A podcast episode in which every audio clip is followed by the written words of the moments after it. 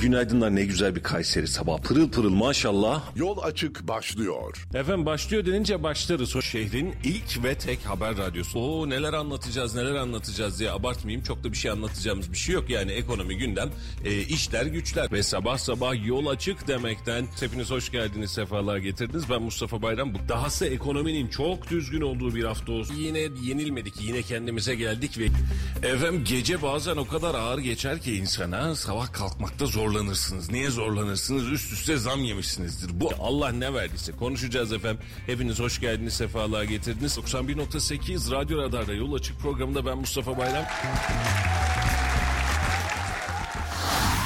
Radyo Radar yol açık başlıyor. Efendim hayırlı sabahlar ve günaydınlar diliyoruz. Hepinize hoş geldiniz, sefalar getirdiniz. Yeni bir hafta, yeni bir gün ve yeni haberler olsun, yeni müjdeler olsun inşallah diyelim. 91.8 Radyo Radar'da bölgenin tek haber radyosunda ve Kayseri'nin en çok dinlenen sabah programından sizlere selamlar, saygılar, merhabalar. Ben Mustafa Bayram. Karşımda Halil İbrahim Öztürk, diğer yanımda Ahmet Billor. Bugün de bu haftada Allah'tan mani çıkmazsa sizlerle beraber saat 9'a kadar olan serüvenimize başlamış bulunmaktayız. Ee, sevgili ev sahiplerim, konuklarım denmez. O ayıp olur değil mi? Konuk gibi falan diye. Hoş geldiniz, sefalar getirdiniz. Hoş bulduk, hayırlı sabahlar. Günaydın, günaydınlar. Günaydın, günaydınlar Ahmet Bey. Size de günaydın. Resmi oldu. Tabii tabii tabii. O bir, bir, tar bir taraftan sesi ayarlıyor. Bilmiyorum filan yapıyor. Efendim hızlı bir para piyasası turuyla başlayalım. Memlekette haber bol. Üstünden haberlere geçeceğiz. Hafta sonu yaşananlara geçeceğiz. Ve memleketin önümüzdeki haftasına geçeceğiz. An itibariyle serbest piyasada değil bankalar arası piyasada. Dolar kuru 28 lira 05 kuruş. Euro ise 29 lira 68 kuruştan işlem görüyor. Altının ons fiyatı 1973 dolarlara kadar çıktı. Brent petrolde ise 91 dolar 30 sentlik bir fiyat var. Borsa İstanbul Cuma günkü kapanışında 7510 puan gibi kritik bir puanla kapattı. Ciddi anlamda bir düşüşle kapattı. Bu haftayı herkes e, önemli ölçüde bekliyor. Ekonomik kriz, e, ekonomik kriterler aslında temel itibariyle piyasanın ne olacağı, savaşın ne olacağı, Filistin-İsrail durumunun ne olacağı, Amerika'nın yaptığı fevri çıkışlar, İran'ın cevapları bunların tamamını satın alıyor ve bir taraftan da ürkek davranıyor işin açıkçası. Ve tüm dünya şu an itibariyle gözünü Filistin'e ve İsrail'e ve Gazze'ye ve Amerika'nın hamlelerine, Rusya'nın hamlelerine, İran'ın hamlelerine dikmiş durumda. Ee, enteresan olan tablo şu, e, kara harekatı başlarsa İsrail'in tüm noktalarında duracağız ve bunun e, ağırlığı ve bunun karşılığı çok ağır olur diyor e, İran. E, beraberinde İsrail eğer İran Hamas'ı desteklemeye devam ederse İran'ı yerle bir ederiz diyor. Tüm uyarılara rağmen İsrail hiçbir şekilde durmuyor ve sivil hedefler dahil olmak üzere mahalle mahalle neredeyse yok etmeye devam ediyor. E, ve bunun karşılığında tüm dünya bir araya gelip tek bir olumlu çözümü de ya da İsrail'i yıldırabilecek, caydırabilecek, e, yapmamasını sağlayabilecek tek bir e, hareketi ve cümleyi de henüz keşfedebilmiş durumda değil. Tam tersine bırakın İsrail'e karşı gelmeyi tam tersine İsrail'in yanında yer aldığını açık bir şekilde beyan ediyor. Evet. Fransa savaş gemilerini gönderiyor. İngiltere uçak gemilerini ve savaş gemilerini gönderiyor. Amerika'nın desteği zaten inanılmaz boyutlarda açık bir şekilde net. E, Almanya öylesine ee, bir tek bir İspanya bir Avrupa ülkelerinde biraz sesini çıkardı. Tüm diplomatik ilişkileri ve ticaret ilişkilerimiz, bağlarımızı koparalım diye e, senato meclise e, soru önergesi mi ya da teklif mi neyse işte onu verdi. Onun haricinde yok. Şimdi daha da olayları kızıştıracak bir başka gelişmede Çin 6 tane savaş gemisini Doğu Akdeniz'e gönderme kararı aldı ve yola çıktı. Bunun karşılığında da Amerika'da hemen karşılığında da e, tekrar yeni gemiler göndermeye başladı. Bununla beraber dünkü gelişme belki takip edememişsindir. Yunanistan e, Amerikan üssü haline geliyor yeniden. 60'a yakın F-35'in Yunanistan'da konuşlanacağı ve operasyon içinde hazır bulunacağı. Türkiye'yi pas geçince mecburen Yunanistan'a dönmüş herhalde. E, tabii ki Yunanistan'a 60 tane hem F-35 hem F-16 ve başka başka uçaklarla beraber toplamda 100'e yakın uçak e zaten e, kara ordusu inanılmaz bir şekilde var. Toplam e, 16 ya da 17 tane hava üssü, e, askeri üssü var Yunanistan'da. Evet. Bunun bir kısmı adalarda, Rodos adasında, Midilli'de, orada, burada, her yerde var. E şimdi e, başlangıçta bunlar birkaç sene önce özellikle Dede Ağaç bölgesinde askeri yığınak yapıyordu. Ne diyorlardı o zaman? Ya biz bunu Rusya'ya karşı yapıyoruz. Ne alaka? Rusya nere? Yunanistan nere? Evet. Hadi uçak ya da e, savunma sistemlerini, hava savunma sistemlerini anladık ama tank ne alaka? Ama oradaki e, işte bir taraftan da komple teorisi de yapmak istemiyoruz ama e, diğer taraftan da e, Türkiye'ye karşı bir harekat mı ya da harekat öz, e, hazırlığı mı? E, bir bakıyorsun ama göstergelerde bunu gösteriyor. E şimdi Çin bunun gemileri gönderirken Yunanistan'a bu kadar yığınak yapmasının haklı bir sebebi var mı sence? Mantıklı bir sebebi var mı? Valla şu an itibariyle aslında e, mevzu şuna dönüyor. E, Amerika Rusya'yı birçok alanda sıkıştırmaya çalışıyor.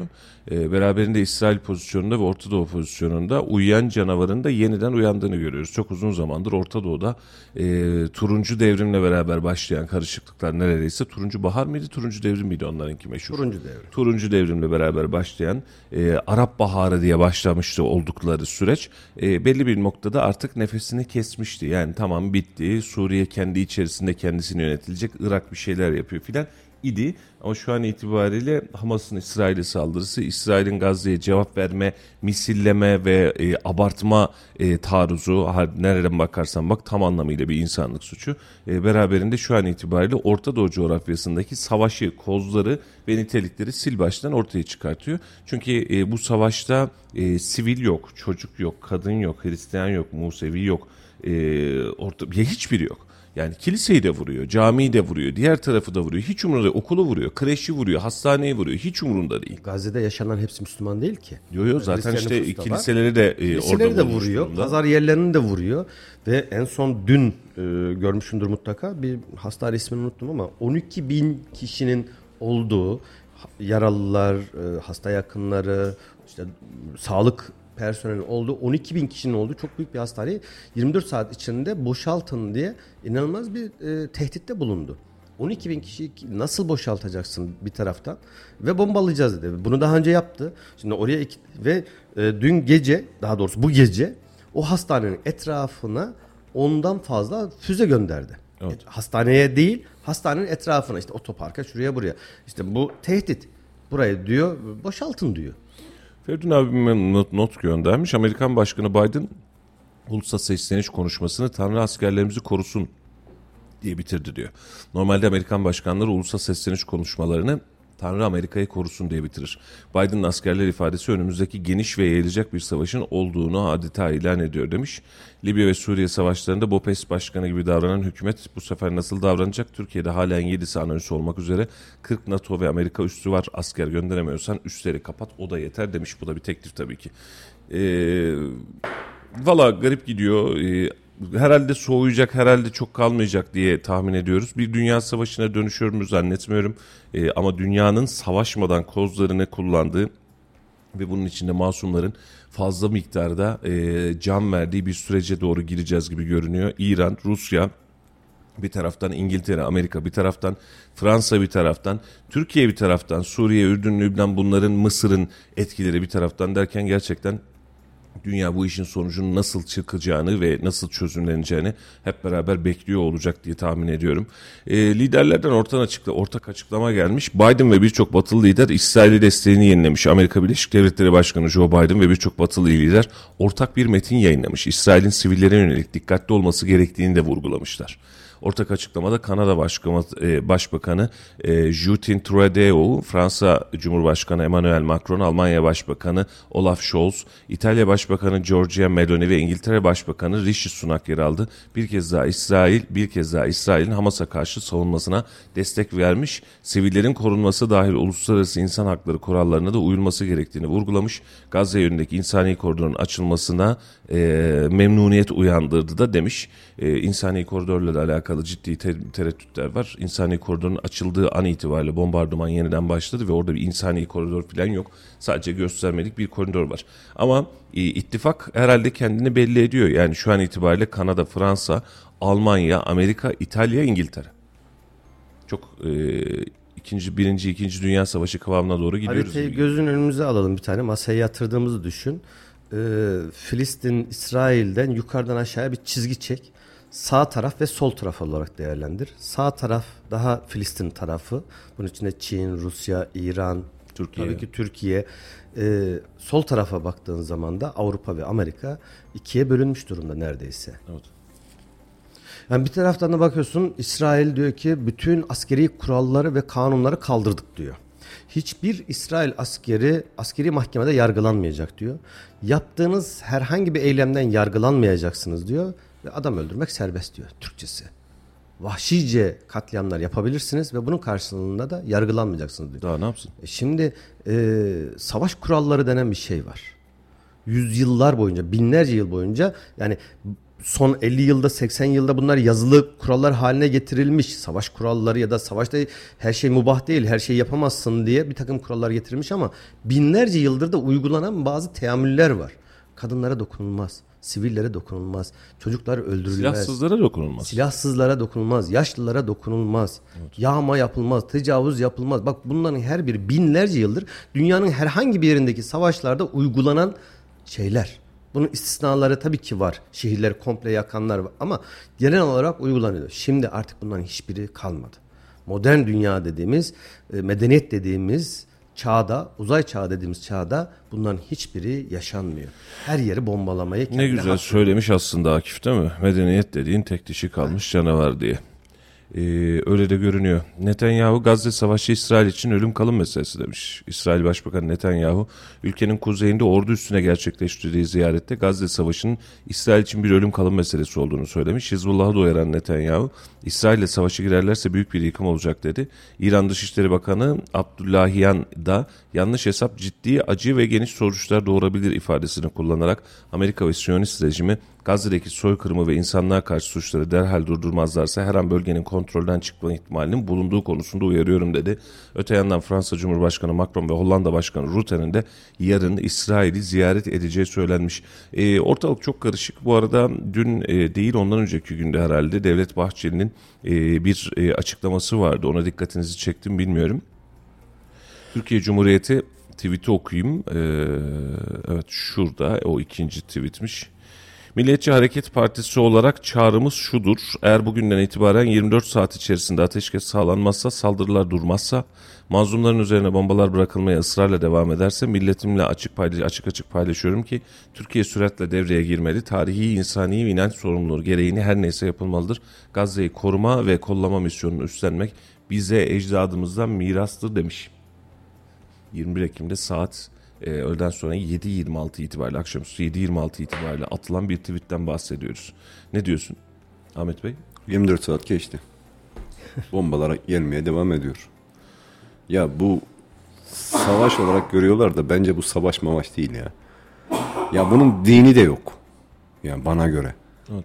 Bu dinsel bir şey değil yani işte Müslümanlara karşı işte Yahudiler saldırıyor falan öyle bir şey değil bu. Bu bildiğin katliam. Bariz bir katliam. Bu insanlıkla alakalı bir şey. Bu yüzyılda yaşanabilecek herhalde en kritik, Şu an en insanlık dışı işlerden biri. toplanan ülkelere bakıyorsun. Yani toplanan ülkeler sanki 3. Dünya Savaşı'na hazırlanıyorlar. Evet aynen öyle. Yani onun tehditleri sarılıyor. Herkes kozlarını ortaya koyuyor. Kimsenin geri atmaya bir adım atmaya bir şeysi yok. Böyle bir durumda iki ülke arasında yani bilmiyorum Hamas şu anda memnun mudur yaptığı ilk hamleden? Sonuçları bu kadar bekliyor muydu, beklemiyor muydu? Bunlar hesaplı mı yapıldı? Mutlaka Yani hesap- kafamda deli sorular var. Yani bunu bilerek mi yaptılar? Karşılığını böyle mi alacaklarını tahmin ediyorlardı ya da başka bir şekilde mi almayı düşünüyorlardı? Bir canavarı bu kadar hırslı hale getirip bunu da bu kadar legalleştiren değil mi? Tabii tabii. Terör saldırısı haline getiren ve bunda insan, insanın aklından çok farklı şeyler geçiyor. Yani e, bunun örneğini birkaç gündür yani herkes konuşuyor. Bizler de konuşuyoruz. Televizyonda e, uzmanlar kendi dillerinde konuşuyorlar ama biz de halk dilinde konuşuyoruz.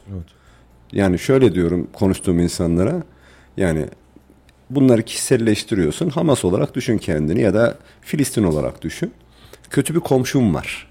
Komşun çok güçlü. Komşunun yapabilecekleri senin fiziki sınırlarının çok üstünde. Yani senden güçlü, senden kalabalık, senden daha silahlı ve seni rahatsız ediyor. Yani işte o kaç 1940 küsur yılından beri sürekli seni rahatsız ediyor. Sen bunu bile bile gidiyorsun eve giderken komşunun arabasını çiziyorsun. Ertesi gün geliyor senin dozerle arabanı paramparça ediyor. Ya da komşunun çocuğuna tokat atıyorsun. O geliyor senin ailenden üç beş yiyor. Bunu biliyorsun. Buna karşılık verecek gücün yok. Ama gidip arı kovanla çomak sokuyorsun. Eğer bunu yapacak gücün varsa kendini güçlendir. Yani güçler denk değil, güçler eşit değil. Evet. Sen bu eşitsizliğin karşısında yani bunu görmemek için bu bunun içerisinde çok farklı şeyler geliyor ya aklıma. Yani e, çok bilinçli olarak yapılmış bir planın bir parçasıymış gibi komple teorileri dönüyor kafamın içerisinde. Çok çaresiziz. Söylediğin o kadar doğru bir şey ki. Şimdi birinin birine e, biri tarafından şiddete maruz kalırsan e, ya da biri e, senin senden daha güçlü ve seni ezmeye çalışıyorsa normal şartlar altında kanuna güvenirsin, devlete güvenirsin, yapıya güvenirsin. Mazlumun sesi olan birilerine güvenirsin. Ama an itibariyle baktığında İsrail'in Gazze'ye halkına ve e, Filistinlilere yapmış olduğu zulmü engelleyebilecek bir mekanizmanın olmadığı, kanunun olmadığı çok güzel bir örnek verdin. Yani biri geliyor arabanı çiziyor, yetmiyor buldozerle yıkıyor üstünü. Sen buna cevap vermeye çalışıyorsun, seni öldürüyor, çocuğunu öldürüyor, e, ev, ev halkından birilerini öldürüyor, tepene bombalar atıyor ve sen bunun karşısında hiçbir şey yapamıyorsun. Dünya için net bir sınav olduğu kanaatindeyim. Çünkü dünya bu zulmü eğer legalleştirir ve kabul ederse ki şu an kabul etmiş görünüyor ne yazık ki. Yani özellikle egemen güçler diyebileceğimiz işte e, İngiltere, Amerika, Almanya yani bu ülkeler bu zulmü ve yaşananları çok normal ve ona destek açıklayabilecek kadar kendi pervasız seriyor. Bu saatten sonra dünyanın hiçbir yerinde insanlar demokrasiden, insan haklarından, özgürlükten, e, modern bir dünyadan filan bahsetmemeli. Tanımların hiçbiri yok şu Yok anda. yani. Hiçbir tanım yok. Gerçek yüzünü gösteriyor. Adam. Yani e, medeniyet sadece kendi ülkelerinde, kendi topraklarında, kendi sınırları içerisinde, kendi, Kendi halklarına, vatandaşlarına. kendi vatandaşlarına yaşanan ama dışarıdaki herkesin ölmeyeni çok reva olduğu, hakkı olduğu hiç yani ölürse ölsün canım çok da problem. Ya ölüyormuş ya biz karşı taraftayız falan dediği çok leş ve e, bunu şunun için söylüyorum Ahmet Bey. e, bu Türkiye için de önemli, Çin için de önemli, Rusya için de önemli. Bu bak bu tüm dünya için önemli. Yani yarın bir gün oluşabilecek başka bir savaşta, başka bir durumda hiçbir hukuku tanımayan, hiçbir etiği tanımayan bir dünya e, medeniyeti var karşında. Hakikaten Akif'in dizeleri gibi medeniyet dediğin tek dişi dal kalmış canavar ve dünya şu an itibariyle sırtlan leş sürüsü gibi e, ve sivil ölmüş, çocuk ölmüş, başka bir şey olmuş ve bunun için hiçbir müdahalesi yok. Gram yok ya. Ya bu bir örnek teşkil ediyor aynı zamanda. Yani bir ülkenin bir başka ülkeye bu kadar vahşice saldırabileceğinin ya bununla ilgili de şimdi birçok ülke aralarında problem yaşadıkları zaman işte bugün Rusya ile Ukrayna arasında da savaş oluyor değil mi? Evet. Yani e, diğer ülkeler de kendilerine karşı ya da tehdit gördüklerine karşı bu tür eylemlerde bulunabilir bundan sonra. Şimdi sen bu Gayet kadar legal hale getir. Tabii tabii legalleştiriyorlar. Şimdi biraz önceki verdiğim örnek de böyle bir rahatsızlığın olan bir komşum var. Senden güçlü. Ne yaparsın? O komşunu destekleyen insanlara senin suçsuz olduğunu ya da masum olduğunu ya da edilen taraf olduğunu anlatman lazım. Yani destek istemen lazım. Öyle bir hamle yapıyorsun ki senin e, haklarını koruyacak ya da korumasını hayal ettiğin, biraz önce senin söylediğin gibi yardım isteyeceğin insanların hepsini karşı cephene alıyorsun. Onları da e, sana baskı yapan devlete karşı bir araya getiriyorsun. Onlar da şimdi bir araya gelmiş durumdalar. Haklıysan da haklı davanı son derece haksız bir hale getirdin. İşte bunu da biraz medya yapıyor. Ne diyordu 60'lı yıllarda Malcolm X? Medya öylesine tehlikelidir ki masum dediklerinizi zalim, zalim dediklerinizi size masum olarak gösterir diye. İsrail'i şu an öyle bir masum gösterme çalışmaları var ki bir taraftan bir bakıyorsun Netanyahu Biden'a e, bir görsel gönderiyor. Gazze'nin saldırısında yanmış bir çocuk cesedi adı altında Biden'a gönderiyor ama aslında o gönderilen görselin fotomontaj olduğu, böyle bir görselin olmadığı, o bebek yanmış bebek görüntüsünün aslında simsiyah böyle tüylü bir köpek olduğu ortaya çıkıyor. Bunu iki devlet başkanı birbirine gönderiyor. Medya böyle bir şey işte. Evet. Valla e, bunu herhalde kurtarsa kurtarsa dünya halkları kurtaracak. Yani dünyanın dört bir tarafında protesto gösterileri var ve gerçekten dünyadaki insanların geçtiğimiz günlerde Cuma günü öğleden sonra bizim yayından sonraydı. Saat e, 1.30 gibiydi. Meydanda bir Filistin'e destek buluşması vardı. Şimdi oradaki kalabalığın emsali de aslında e, dünyaya verilecek mesajın emsaliydi. E, Kayseri olarak çok da başarılı olduğumuzu söyleyemem işin açıkçası. Alandaydım. E, böyle meydanı da hınca hınç dolduran bir tepkisellikten bahsedemiyorum.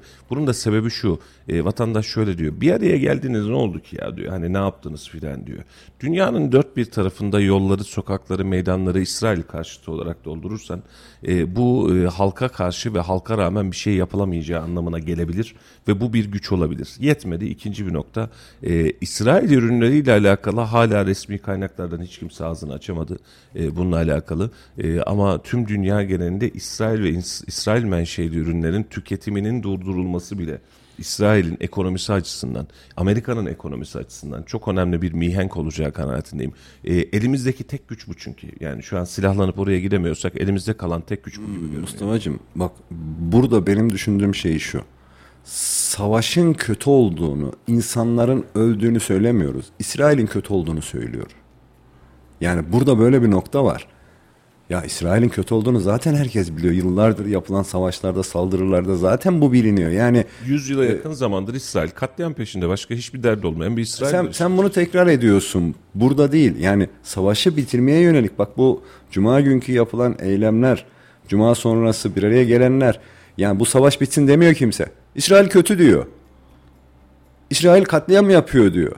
Ama şimdi dün akşam aile meclisinde otururken hepimizin ortak noktası yani bu olayların çıkış noktası Hamas'ın böyle bir intihar saldırısına niye girdiği. Evet. Yani gidip de sen orada İsrail'in askerlerine, askeri birliğine karşı bir hareket yapmadın.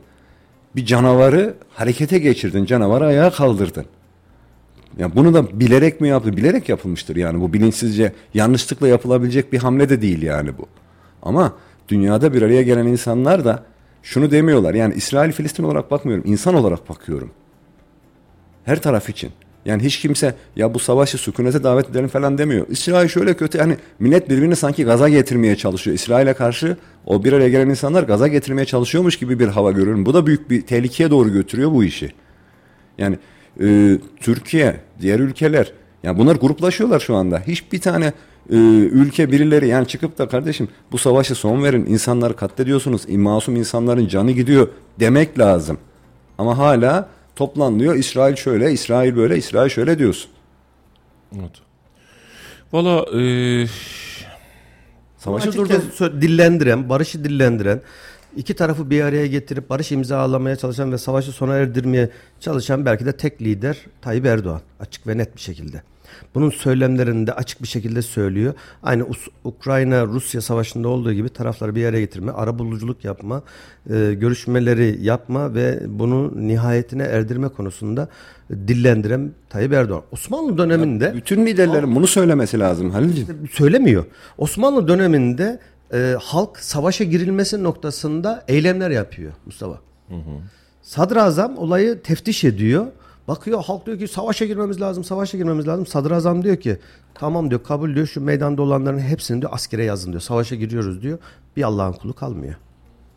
Biraz da şu an yaşadığımız biraz... Yok yok ben e, şimdi bunun askeri bir müdahalesinin yani yanlış anlamayın kimse kimse bu intihar saldırısının içerisinde yer almak istemeyecektir çok uzun bir dönem. Yani kartlar dağıtılır ve savaş aleni olmazsa yani İran, Rusya vesaire gibi e, farklı güçler işin içerisine gelmezse bu işin bir dünya savaşına Dönüşmez. doğru dönüşme ihtimali zor. Ama e, bu işle alakalı yapılabilecek tepkime e, savaşın durdurulmasıyla alakalı ve e, ve dediğim gibi yani e, hangi anlamda işte İsrail ile alakalı İsrail tüm dünyayı yıllardan beri nefret tohumunu oluşturdu. Yani Tüm dünyada aynısı geçerliydi. Şu dakika itibariyle de bizim oturup baktığımız zaman işte atıyorum hangi ürünü var İsrail'in? Kardeşim Türkiye'de bıçak gibi kesildi. Bak satılmıyor artık. Dünyada satılmıyor. Türkiye sadece tek bir pazar değil. Türkiye'nin tek başına buna e, protesto etmesi yetmiyor. Yani düşünsene Türkiye'de X markalı ürünü sen kullanmıyorsun. İsrail malı diyorsun ve bunu kullanmıyorsun. Ya adam Türkiye pazarından çıkmaya razı. Umurunda Mesela Rusya pazarına evet. hesap et. Savaş olduğu sırasında işte McDonald'sları, vırtları, zırtları tak diye bir anda çekildi. Valla çok da ekonomik olarak aman canım bir şey oluyormuş demedi. Ama dünyanın bunun içerisinde Amerika'sı dahil Almanya'sı dahil, İngiltere'si dahil bu tepkimede olan, bu hassasiyetteki olan insanların böyle bir hareketi belki ancak bu nefreti bir anlamda rakamsal olarak karşı tarafa tepkilendirebilir.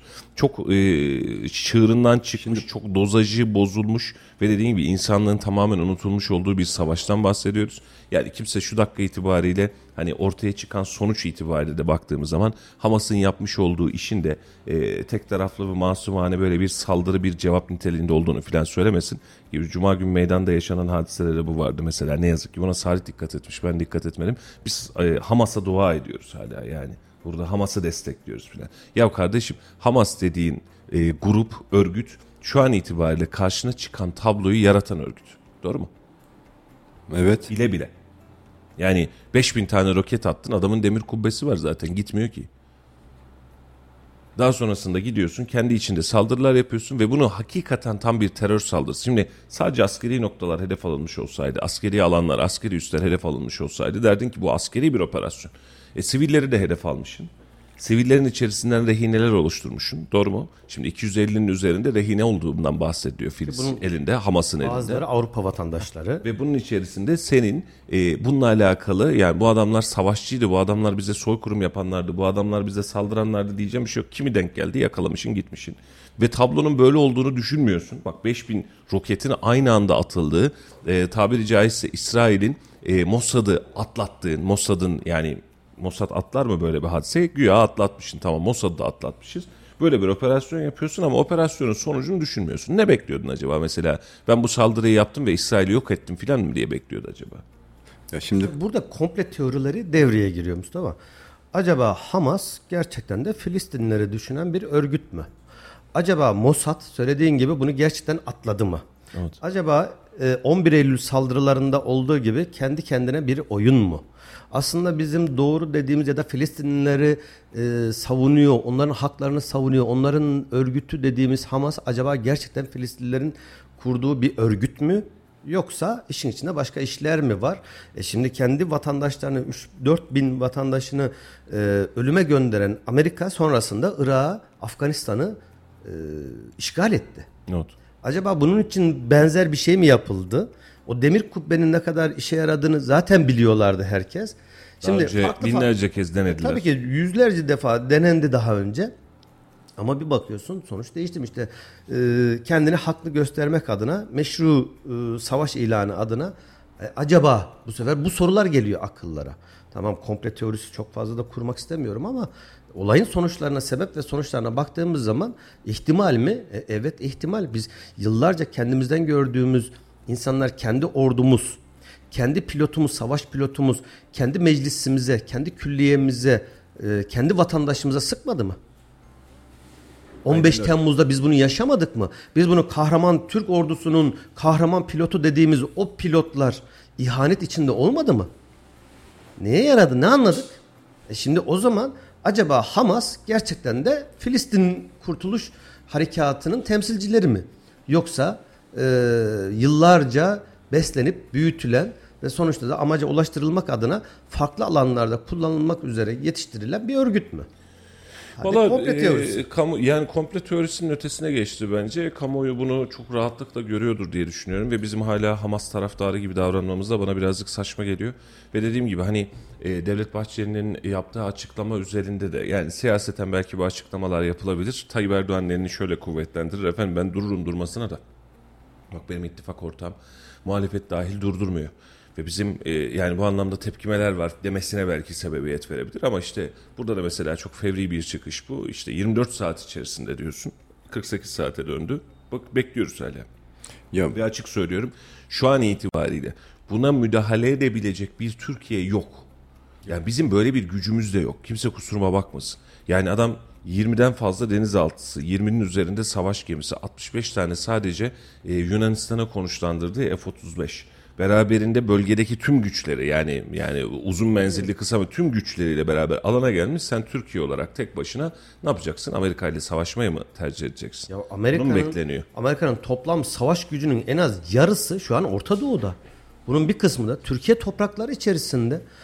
Yunanistan'da, Türkiye'de, Ürdün'de, Kuveyt'te, Bahreyn'de, Irak'ta, Suriye'de o kadar çok üssü var ki ve buralarda yaklaşık 300 binin üzerinde askeri var. Yüzlerce, yüzlerce savaş uçağı var, binlerce tankı var. E, savunma sistemleri var, füzeleri var ve bunlar nükleer başlık taşıyanlar var, seyir füzeleri var. Yani bir tanesi bir mahalleyi yok edecek kadar güçlü füzeleri var. E ne yapabileceksin? Amerika'nın yarısı, askeri gücünün yarısı şu an Orta Doğu'da zaten. Ya programın başında Borsa İstanbul'dan bahsettik değil mi? 75 7500 puanlara düşmüş. Evet. Senin ülkendeki borsanda bile yabancı yatırımcı çıkmaya başladığı zaman sen bunu ayakta tutamıyorsun ülke ekonomik olarak. Saçmalatıyorsun. Tabii tabii büyük bir saçmalık içerisinde. Yani yabancı yatırımcı girdiği zaman ekonomin iyi gözüküyor. Yani borsan e, değer kazanıyor gözüküyor. Yabancı yatırımcı. Sen buradan açıklama yaptıkça yabancı yatırımcı satıyor satıyor parasını alıyor gidiyor. Parasını aldı. Biz savaşın içerisine girmiş bir ülke değiliz. Ama bizim borsamız çöküyor. Zarar ediyor. Niye? Çünkü yabancı yatırımcı oradaki aldığı, değerlendirdiği, üzerinden para kazandığı hisseleri satıyor. Ve senin onlar sattıkça alıp da onu o seviyede tutacak gücün yok. Parasal gücün yok. Ee, öyle bir güce sahip değiliz, öyle bir güce sahip olamayacağız. Bizim milletçe aslında başka bir güce sahip olmamız gerekirken onu da yapamıyoruz. İşte İsrail ürünleri ortada. Ee, marka marka bildirmenin de çok bu anlamda herhalde bir anlamı yok. İn- şeye girerseniz, internete girerseniz, e, İsrail ürünleri derseniz, İsrail menşeli ürünleri de çok çok rahatlıkla görürsünüz. Bunların tüketiminde hiçbir azalma yok. Onların kafelerinde hiçbir eksilme yok. Bizim bu anlamda tepkisel olarak da bir duruşa, e, bir milli mücadeleye işin açıkçası ihtiyacımız var ve bu sadece bugünlük bir hadise değil. Zannedersem uzun dönem buna ihtiyacımız olacak. Uzun dönem bunu yaşamamız gerekecek. E, üzülerek söylüyorum ki göz göre göre 2023 yılının sonunda dünya tam bir katliama e, şahit oluyor. Gözünün önünde bir katliama şahit oluyor ve dünya bu katliama karşı bir o kadar sessiz, bir o kadar sakin. Özellikle dünyanın egemen güçleri tarafından sessiz olmayı boş verin, desteklenen tam üst tam tersine desteklenen İsrail'in yanındayız denilen İsrail'in yani şunu anlarım ben e, böyle bir hadise olmuş İsrail şu ana kadar tamam bitti kardeşim yani stop durdurun her şeyi durdurun bak işin cıkı çıktı böyle bir dünya olamaz demesi gereken bir dünya e, genelinden e, işte Birleşmiş Milletler'in tamamen etkisiz kaldığı Tayyip Bey çok uzun yıllardır söylüyor aynısını ama yol alamadık tek sorunumuz o. Yani slogan güzeldi dünya beşten büyüktür sloganı güzeldi.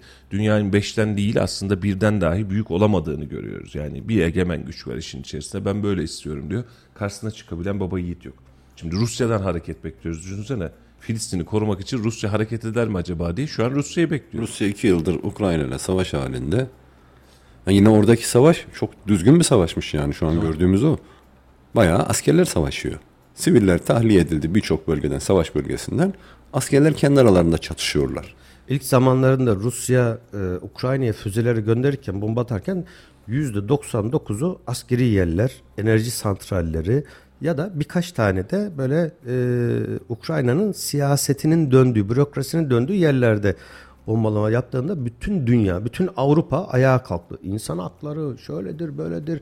Orada siviller ölüyor. Ya belki de ölenlerin tabii ona da üzülüyoruz. O başka bir şey ama atıyorum bin kişi öldüyse bunun içinde 3-5 kişiyi geçmez sivil. Geri kalan hep askeri. Tüm dünya ayağa kalktı. Gösteriler şunlar bunlar ve açıktan Ukrayna'ya yardım gönderildi. Her türlü destek sağlandı. Savaş malzemeleri dahil olmak üzere. Ama bir bakıyorsun e, Gazze'de çocuklar ölüyor. Bugün yaklaşık 5000'e yakın e, şu son 15 günde 5000'e yakın ölen e, Gazze, Filistin vatandaşı var. Bunun 1700-1800 tanesi direkt çocuk. 12 yaş altı çocuk. Ya işte bu işe birileri dur demezse Kimse de bir şey demiyor. o binler, on binler, yüz binler olacak. Katliamın boyutları çok büyük. Birilerinin dur demesi lazım. Şimdi biz bu dur demeyi de bazen yanlış anlıyoruz. Basit bir şey, e, burada basit bir haber. İsrail özür diledi, yanlışlıkla vurduk diye bir haber var. İsrail ordusu Mısır sınırına yakın Kerem Ebu Salim bölgesinde Mısır'a ait bir noktanın yanlışlıkla hedef alındığını duyurmuş. Şimdi açıklamaya geçmek istiyorum. İsrail ordu sözcülüğü kısa bir süre önce İsrail ordusuna ait bir tank yanlışlıkla sınıra yakın Kerem Shalom bölgesinde bir Mısır mevzisine ateş açarak vurdu ifadelerine yer vermiş. Olay dair araştırmalar başlatıldığı ilgisine yer verilen açıklamada yaşanan olaydan üzüntü duyulduğunu kaydedilmiş. Şimdi buraya kadar İsrail'in açıklaması. Mısır ordu sözcüsü Alpay Garip Abdül Hafız da olaya ilişkin yazılı açıklamasında Gazze şehrinde devam eden çatışmalar esnasında sınırın karşı hattında bir İsrail tankından yanlışlıkla atılan top mermisi parçaları Mısır'ın sınır gözetleme kulelerinden birine isabet etti diyor. Olayda Mısır hudut koru- e, kontrol personelinden bazılarının hafif şekilde yaralandığını ve gerekli araştırmaların devam ettiğini belirten Abdül Hafız, bu Abdül Hafız bizim e, Mısır'ın e, ordu sözcüsü e, bahsettiğimiz İsrail'in kasıtsız olaydan hemen sonra üzüntüsünü dile getirdiğini ifade etmiş. İşte dünya kamuoyuna verilen bir bilgi. Yo yo affettimin ötesine geçmiş. Yani bizi vurdular ama diyor bak bana zarar verdiler ama diyor. Yani kasıtsız da bu. Yani düşünsene değil. ya sınır kapısının ötesinde bir kule var. Aa yanlışlıkla vurmuşuz. Aa biz de. Şimdi bunu nereye bağlayacağım biliyor musun? Mısır'da Sisi'yi getirmeye çalışıp bu kadar hareketi Müslüman kardeşleri Doğru mu? Derdest edenler. Beraberinde Mısır'a Sisi'yi getirenler ve uzun dönem itibariyle bunu dünya kamuoyunun önüne göstere göstere yeniden Amerikancı, İsrailci bir Mısır oluşturanlar bugün e, bunu niçin yaptıklarını bence aleni olarak gösteriyorlar. Yani yan tarafta güçlü, kuvvetli ya da e, bize karşı durabilecek, "Hmm, ne yapıyorsunuz siz diyebilecek bir ülke istemiyoruz. Yani bir güce daha ne gerek var? Saddam'ı niye gönderdiler? Kaddafi'yi nasıl alaşağı ettiler? Kendi vatandaşlarını öldürttürdüler. Sisi 2013'teydi değil mi? Evet. Ve Sisi Genelkurmay Başkanıydı.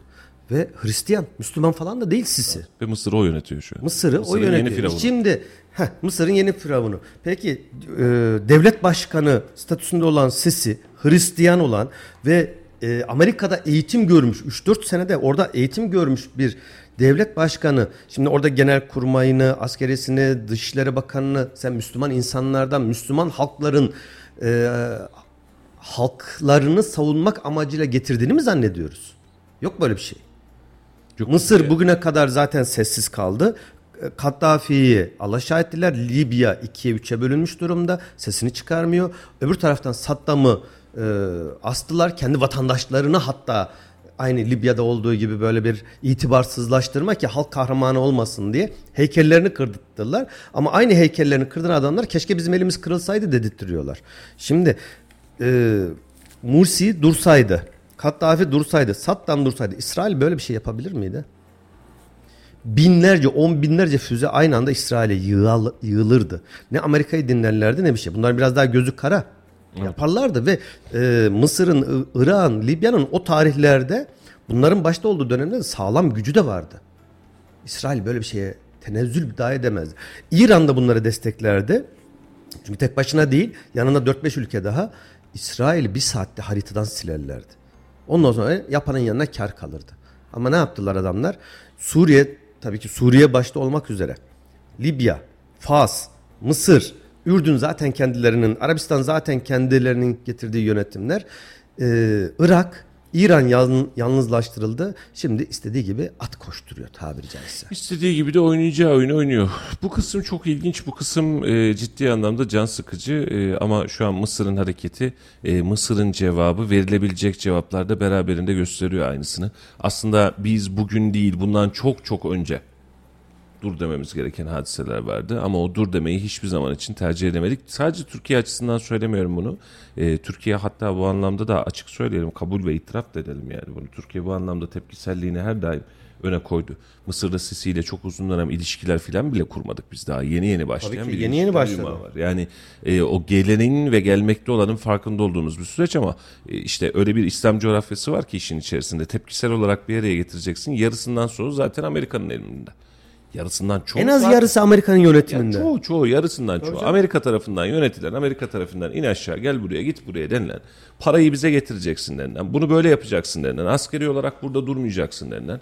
Yani hatırlayın Türkiye'nin e, varoluş mücadelesinde, Suriye mücadelesinde, Suriye'den e, gelen terör yani PKK'nın desteklemesinde de birçok ülke PYD'ye destek açıklaması yapmayı tercih etti. Hem de pervasızca yani çok rahat bir şekilde. Ve bugüne baktığımızda sonra diyoruz ki bizden niye olmuyor? Vallahi bizden hiçbir şey olmuyor.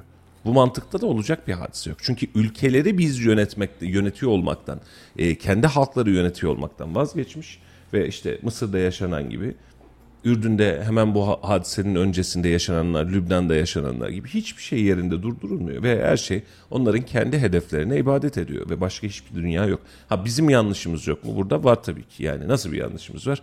Büyük Orta Doğu projesi gibi garabet bir projenin içerisinde vakti zamanında bulunmak, bunun eş başkan olduğumuzu söylemek de bizim yanlışlıklarımızdan biriydi. Şimdi o Büyük Orta Doğu projesinin son demini yaşıyoruz işte. O gerçekleşme anını yaşıyoruz kandırıldık deyin, üzüldük deyin. Ha şu an orada değiliz Allah var. Ama e, vakti zamanında işte FETÖ'nün de belki de aktif olduğu dönem diye bakabilirsiniz işin içerisine. Tayyip Erdoğan'ın bizzat ağzından al- aldığımız, verdiğimiz veriler de Büyük Orta Doğu Projesi diye. Elin Amerikalısının Büyük Orta Doğu'da ne işi var? Nasıl bir işi olabilir? Nasıl bir beklentisi olabilir? Kendi toprağında huzurunu tam olarak sağlayamamış, ekonomik variyetini tam olarak sağlayamamış, sadece kendi zenginlerini ve dünya ekonomisini sömürüsünü oluşturmuş bir ülke gelip Orta Doğu'ya barış ve huzur ve mutluluk mu getirecekti yani? E biz bunları da göz göre göre eyvallah eyvallah diye diye geçtik. Bir arada değiliz, birlikte değiliz ve toplumsal olarak ve dinsel olarak ve kültürel olarak E, ve ırksal olarak bir birlikteliğimiz ne yazık ki yok işte. Türkiye Cumhuriyetleri de bir araya getirelim bir ırkımız olsun onu da yapamadık. 72 fırka- Müslümanları bir araya getirelim onu da yapamadık. Yapamadık ya.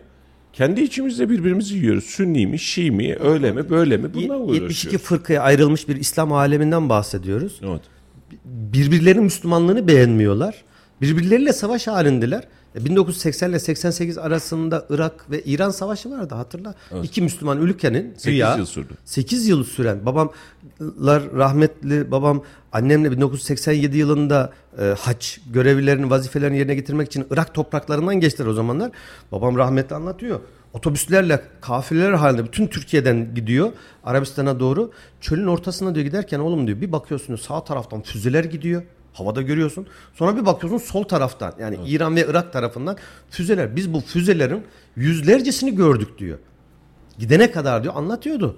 Bu füzeleri gördük. E şimdi bir bakıyorsun Amerika el altından hem İran'ı destekledi hem Irak'ı destekledi. Hem İran'ı hem Irak'ı belki 50 milyar 100 milyar dolarlık silah satışı yaptı. Kazanan yine Amerika oldu.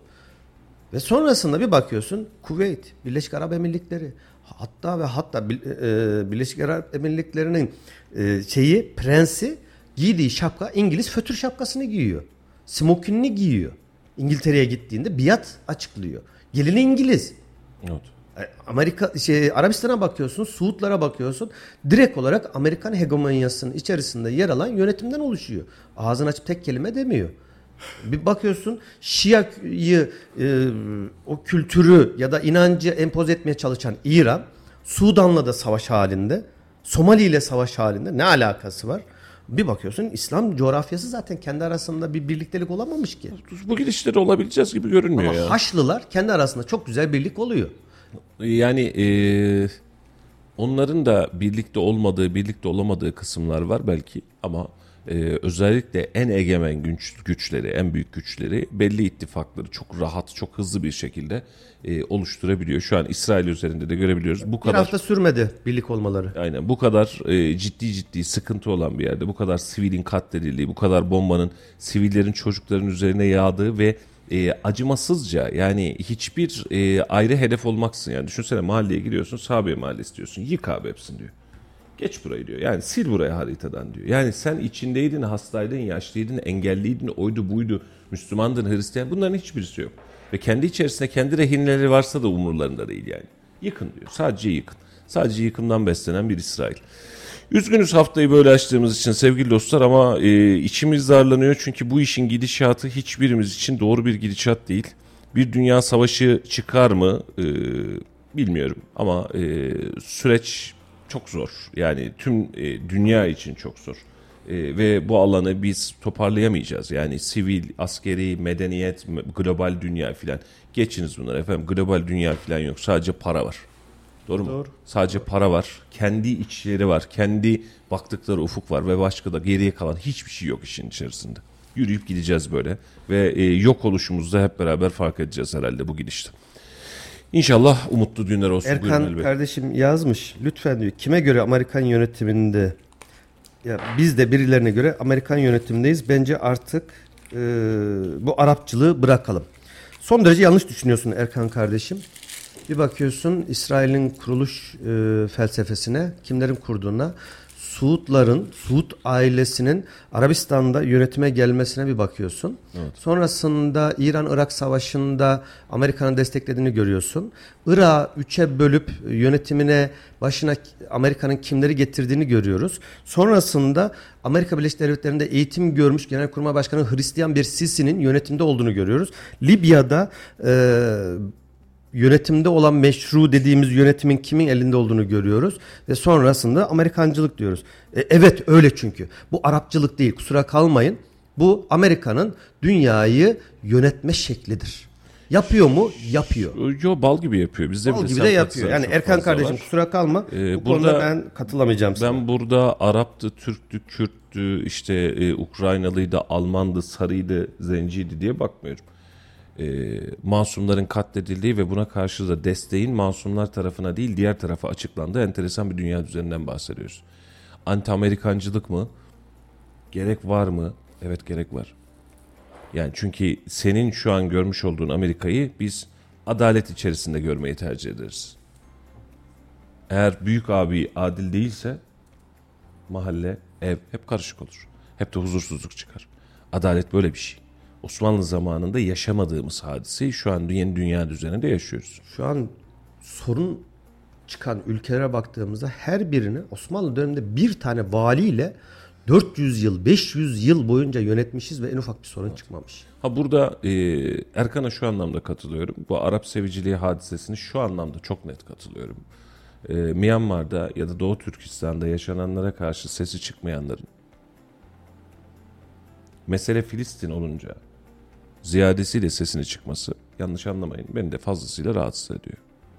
Şimdi Doğu Nerede Türkistan'da ses çıkıyor? işte- yok yok öyle değil. Şimdi bir grubumuz var böyle bir grubumuz var. Mesela Doğu Türkistan'da zulmü uğrayan, işkenceye uğrayan insanlarımıza karşı ağzını açmayanların e, mesele başka bir taraf olunca daha fazla ağzını açması da garip geliyor. E, dengeler eşit olmalı. Yani Myanmar'daki, Doğu Türkistan'daki, Çin'deki, Japonya'daki, Afganistan'daki fark etmiyor ki insan insan.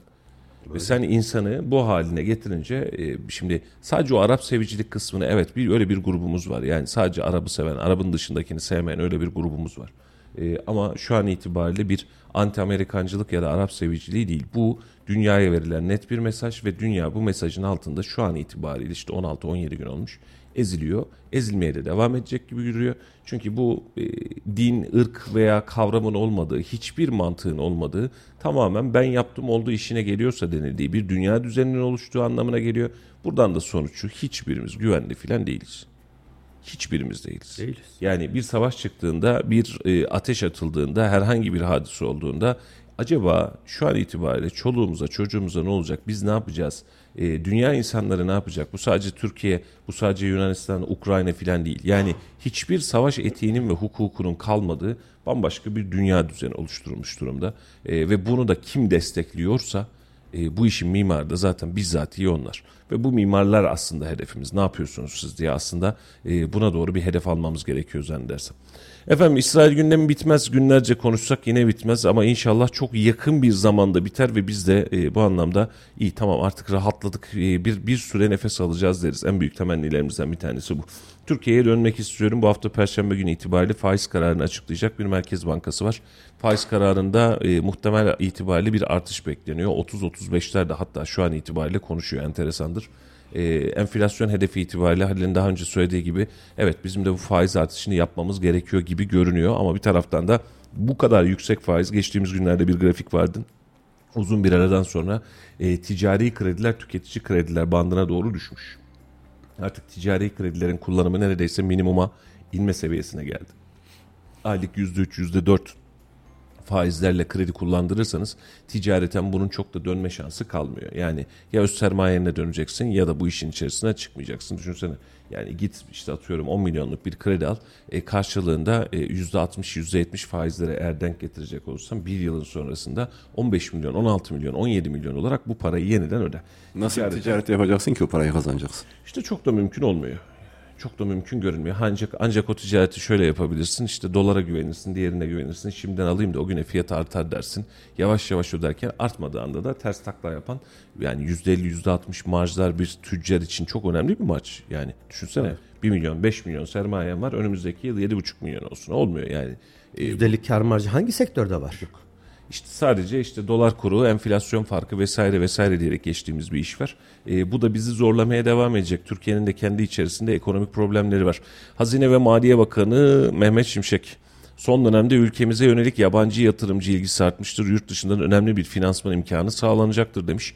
Önemli finansman imkanları dememiş. Yurt dışından önemli bir finansman imkanı sağlanacak. Yani tek bir nokta gibi e, anladım. Gaziantep'te konuşmuş.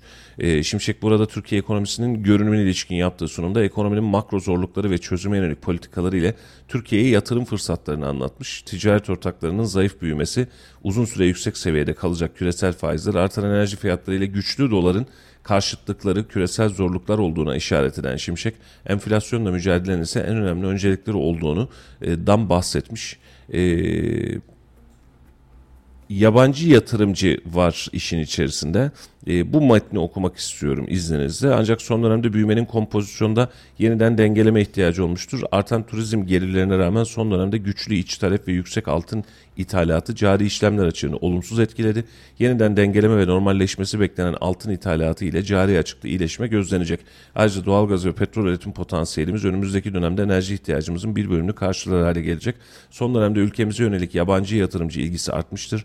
Yurt dışından önemli bir finansman imkanı sağlanacaktır. Uluslararası rezervde iyileşme sürmektedir. Para ve maliye politikasında uygulamalar önümüzdeki dönemde kapsamlı ve yapısal reformlarla desteklenecek. Türkiye uluslararası ticareti elverişli merkezi konumu, büyük iç pazarı, genç ve dinamik nüfusu, nitelikli ve rekabetçi iş gücü, liberal yatırım ortamı ve tamamlanmış lojistik altyapısıyla yatırımcılar açısından oldukça cazip bir ülkedir. Türkiye'nin sahip olduğu bu potansiyeli önemli fırsatlar yaratmaktadır demiş. Nereden para gelecek? Halil bilgi var mı? Bilmiyorum. En son İngiltere Yabancı- falan yapıyorduk. Yabancı yatırımcılardan bir yerlerden demek ki bulacak. Belki de Arap sermayesi. Onu da bilmiyoruz. Bir yerden herhalde bir 5-10 milyar dolar ya da 20 milyar dolar gi- gibi bir para akışı gelecek. Anladığım bu. Biz de onu kullanacağız. Bak e, işin kötü tarafı şu Mustafa.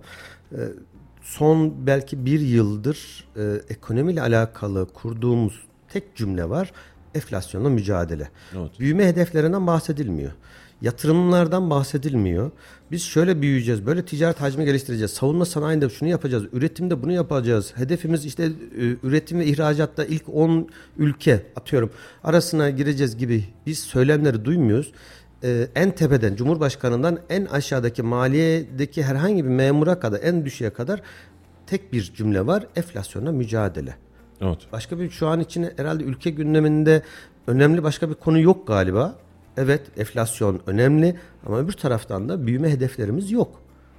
Şu yatırım yapacağız diyen yok. Varsa yoksa enflasyonla mücadele. Kur korumalı mevduat, öbür taraftan faizleri yükseltme, yatırımı teşvikleri azaltma, ticareti kısma, krediye ulaşmayı engelleme. Enflasyonla mücadele dediğimiz olay da bundan il- ileri gitmiyor. İnsanların paraya olan ulaşımını engellemek, azaltmak, zorlaştırmak. Enflasyon evet bu bir tercihtir. Enflasyonla mücadelede talebi kısmak en büyük etkenlerden biri. Çünkü talep yönlü enflasyon denen bir şey var. Bir de maliyet yönlü. Maliyet yönlü tarafı senin ham madde girdilerin, döviz kurların, talep yönlü de işte otomobilde, evde 2 yıldır, 3 yıldır gördüğümüz aman ben bunu yatırım aracı olarak alayım da ciddi para kazanırım diyerek talep yönlü olan ya da stokçuluğa yönelen insanlar. E Şimdi sen oto- talebi otomobil- kısmak adına krediye ulaşımı, paraya ulaşımı kısıtlarsan talebi bir, bir anlamda kontrol altına alırsın. Ama öbür taraftan da maliyet bazlı yani enflasyon ve kur bazlı e, maliyeti enflasyonu nasıl çözeceksin? E, o zaman dolar kurunda öbür taraftan bir bakıyorsun 2025 için 46-47 TL'ler. Bugün itibariyle %50'nin üzerinde bir enflasyondan bahsediyoruz. Otomatik enflasyondan bahsediyoruz. Nasıl mücadele edeceksin? Dışarıdan para geldi. Dışarıdan para senin hayrına gelmiyor ki. Sana hibe de Senden bir etmiyorlar. şey alarak gidiyor. Senden hibe de etmiyor.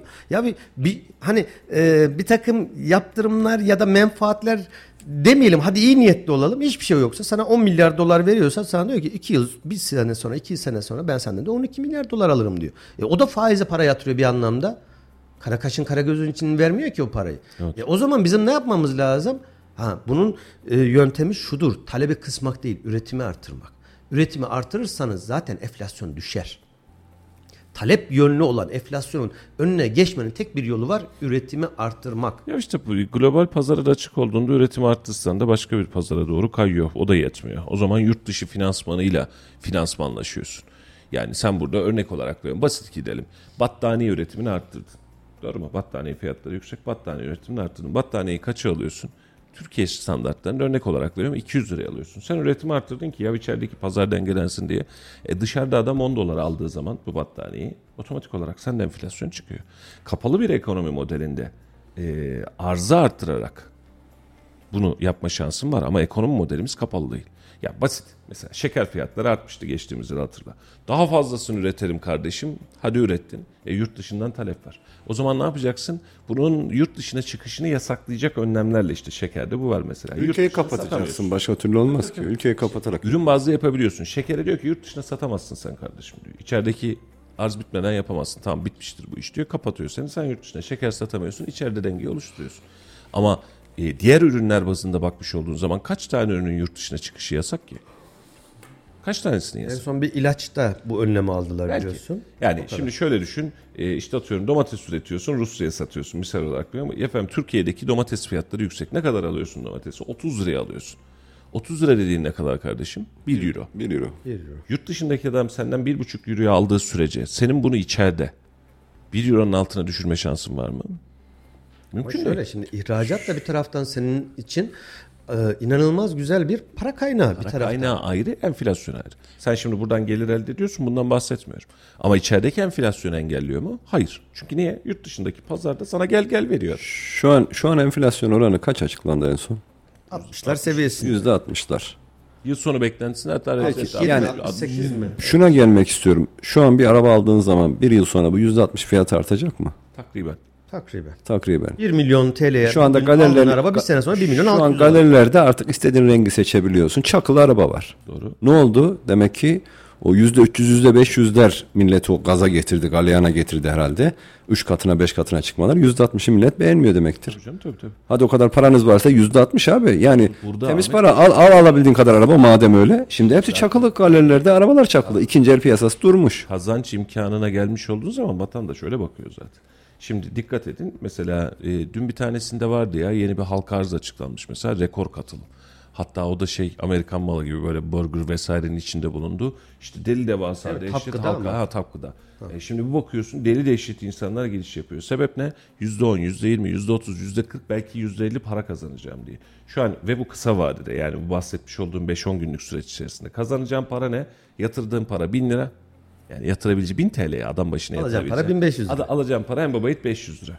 1500 lira para alacağım diye bunun hevesindesin. Şimdi vatandaş gözünü şöyle açmaya başladı. Ee, işte do- önceden şöyleydi mesela dolar alayım altın alayım kenarda durayım bekleyeyim ben param değer kaybetmesin hatta altın da artıyor aa iyiymiş filan diye. Şu an dolar altın filan vatandaşın umurunda değil. Ev mi alsam arabamı alsam başka bir şeye mi yatırsam faize mi yatırsam kafa böyle gitmeye başladı. Bu da kazancın biraz önceki söylediğin gibi o %300 %500'leri gördük abi bu sefer. Şimdi vatandaşa nasıl dur diyeceğim duramıyor. Ama biraz önceki senin bahsetmiş olduğun yani üretimi arttıralım ve enflasyon dursun. Üretimi arttırdığımızda bizim oluşturacağımız enflasyon dünya enflasyonuyla, Avrupa enflasyonuyla ya da pazardaki enflasyonla aynı hale gelir. Yani biz Avrupa'ya sattığımız ürünü düşünsene 100 dolara Avrupa'ya ürün satıyorsun. e, Bir yatağı 100 dolara satıyorsun ve diyorsun ki içeride yatak çok pahalı. Niye pahalı? 1000 liraya versinler alalım. İyi de yurt dışında 1000 dolar, zaten 100 dolar alınıyor. Malzemeci buna göre fiyatlıyor. E senin de vereceğin para 100 dolar. Yani işte atıyorum 2800 lira. Talep, arz ve enflasyon buna göre dengeleniyor. Ama sö- söylediğin noktadaki doğruluk payı şu. Doları kontrol edemediğimiz sürece biz bunu yaşamaya devam edeceğiz. Dolar arttıkça ürün fiyatı artacak. Dolar artacak, ürün fiyatı artacak. Ve dikkat et ekmeğimiz bile dolara bağlı artıyor. Çünkü dolar artıyor, yakıt artıyor. Dolar artıyor, Çözüm ne 6 peki? aylık dönemde. Çözüm ne peki? Bilmem. Ekonomist Üretim- olan sensin. Söylüyorum ona da inanmıyorsun. İnanmıyor değilim. Şimdi Üretimi arttırmanın bize Döviz- dış döviz niye ticaret artar getirisi mesela? var. döviz niye artar? Niye artar Ali Beyciğim? Ben sana soruyorum. Soru sorma makamıyım. Sınav mı yapıyorsun sabah sabah? Anlatacaksan sen anlatacaksın. Söylediğim şey bir şey miktarı azsa değeri artar, bir şey çoksa fiyatı düşer. Evet. Bu bu kadar basit. Senin iç piyasadaki dövizin artmasının sebebi dövize olan da taleptir.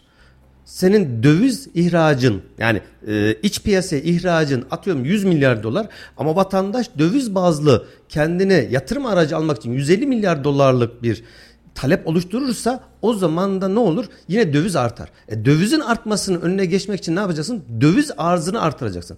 Döviz arzını nasıl artırırsın? İşte o biraz önce enflasyonla mücadele dediğimiz üretimde olmaz dediğin şey içeriye sen döviz miktarını artırırsan yani ihracatı ama bu arada ithalatın artmayacak. O bizim dediğimiz ihracatımızı 200 milyar dolara çıkardık. E, senin ithalatın 300 milyar dolar olmuş. Olmaz. Dış ticaret açın 100 milyar. Değil. İşte üretimi artırırsan sen hem iç piyasaya hem dış piyasaya uluslararası ticarette sen bunu pazarlarsan ülkeye döviz girişinde artırırsan o zaman dövize olan talep arzın önünde talebin önüne geçerse senin dövizle mücadelen de bu konuda başarılı olmaya başlarsın. Yani aslında hepsi birbirleriyle ilişkili bir şeyler, ilintili şeyler. Ha bir tek müdahale edemeyecek tek bir konu var. Altın piyasası.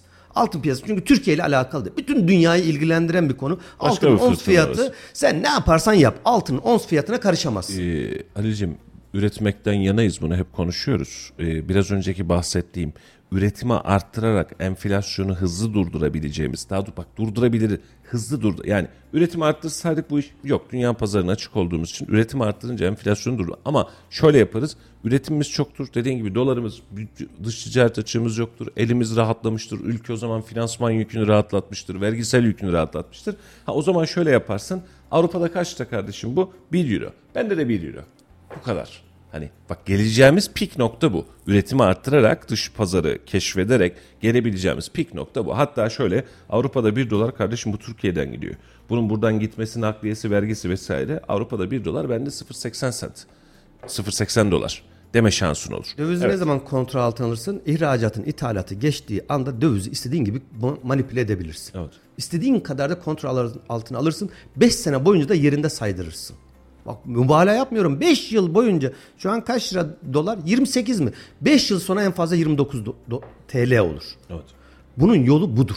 Ülkeye dolar girdisini sağlamak ve ülkeden dolar çıktısını da engellemek ve insanların da iç piyasadaki vatandaşların da doları yatırım aracı olarak görmekten vazgeçittirmek. E bunun yolu ne?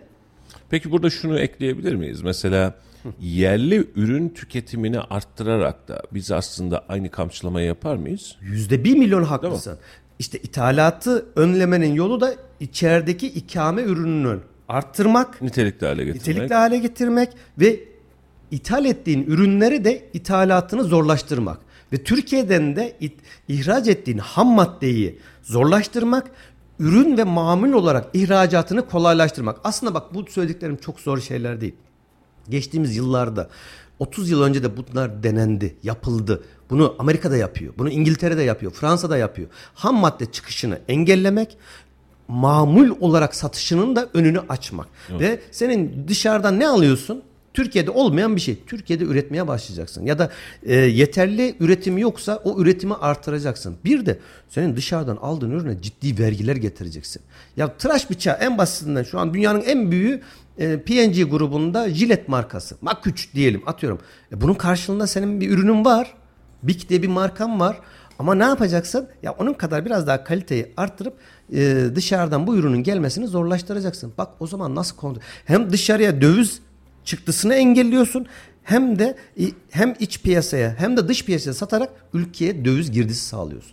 E o zaman da işte senin paranın değeri nasıl artar? Paranın değeri dövizi kontrol altına aldığın zaman artar. Satın alma gücün olduğu zaman artar. Hangi marka bu bahsettiğim markalarda? Sen hangisini kullanıyorsun? Ben de Mak 3 kullanıyorum şu an. E tamam o zaman artmaya devam edecek abi. Dış piyasa güçlü olmaya devam edecek. Bu kadar basit. Evet. Eğer sen bir kullanmıyorsan yapacak bir şey yok. Erkan diyor ki abi koptunuz diyor. Tamam doğrusun peki sen de haklısın Erkan'cığım. E, dün Kayseri'de gerçekleşen e, Papatya Caddesi'nde gerçekleşen bir kaza var. E, kazada e, direğe çarpan bir araç sonra alev alıyor. Direğin çarptığı e, tepesine indiği araçta da 2-3 kişi de 3 kişi diye biliyorum en son e, yaralanıyor. Geçmiş olsun diyelim. Bir de ölümlü kazamız var. Tırla, tır ile otomobilin çarpışması sonucunda. Orada da e, bir kişi hayatını kaybetti. iki yaralı var. E, tır ile otomobil çarpıştı. Melik Gazi ilçesi Nalçık Bulvarı üzerinde tıra arkadan çarptıktan sonra bariyere giren araçtaki 21 yaşındaki BK isimli kadın yaşamını yitirirken sürücü RÖ ile diğer yolcu MT hastaneye kaldırılmış.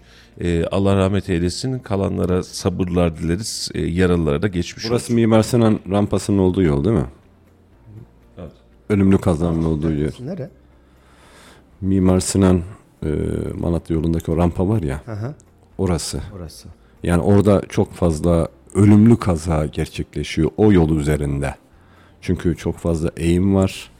Ciddi bir orada rampa var araçlar, ve aşağıda araçlar aşırı. kontrolsüz bir kavşak var. Mimar Sinan'a doğru çıkan yani buradan gidiyorsun rampa yukarı çıkıyorsun sola Mimar Sinan kasabasına ya da mahallesine değil mi? Eskiden evet. belediye başkanı da vardı. Mahalleye doğru dönmeye çalıştığında orada bir e, şey yok. ışık düzenlemesi yok. E, orada yukarıdan aşağıda hele hele yüklü kamyonlar tabii ki bir araba gibi 30 metrede 50 metrede duramaz ve hızlı geliyorlar. Efendim bu hafta e, 29 Ekim haftası. Cumhuriyet'in 100. yılını e, kutlayacağımız ve 100 yılı geride bıraktığımız Cumhuriyet'ten bahsedeceğimiz bir haftaydı. Ama Cumhuriyet'i konuşmaktan daha fazla İsrail, Filistin'i, ekonomiyi, değerleri vesaireleri vesaireleri milyonca şeyi konuşmuş olacağız. Hafta sonu 29 Ekim pazar gününe denk gelmiş oluyor e, ve Pazara Cumhuriyet evet pazar gününe denk gelmiş oluyor. Cumhuriyet'in 100. yılını e, neredeyse son 5 yıldır 8 yıldır hani 70, işte 95. yıl 98. yıl filan diye diye geldik. 100 yıllık bir cumhuriyetten bahsediyoruz. 100 yıl üzerinden geçen bir cumhuriyetten bahsediyoruz.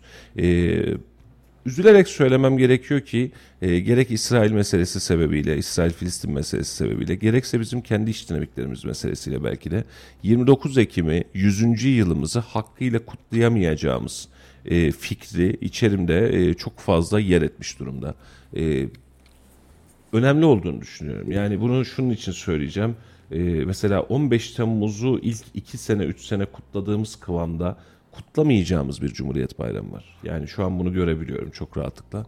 Hani bir şeyler yapmaya çalışıyoruz ama e, 100 yıl geçen Cumhuriyeti hatta logolara 100. yıl diye koyduğumuz, Türkiye'ye 100 yılı koyduğumuz diye Cumhuriyet'ten bahsetmiş olduğumuz bu e, ve hedeflediğimiz Cumhuriyeti ne hikmetse ne yazık ki son bir haftası kala bakın bir ortalığa Allah aşkına ne var? Yani geçen gün program açıklanıyor. İşte orada drone gösterisi, orada ışık gösterisi filan. E sonra sonrası bu kadar.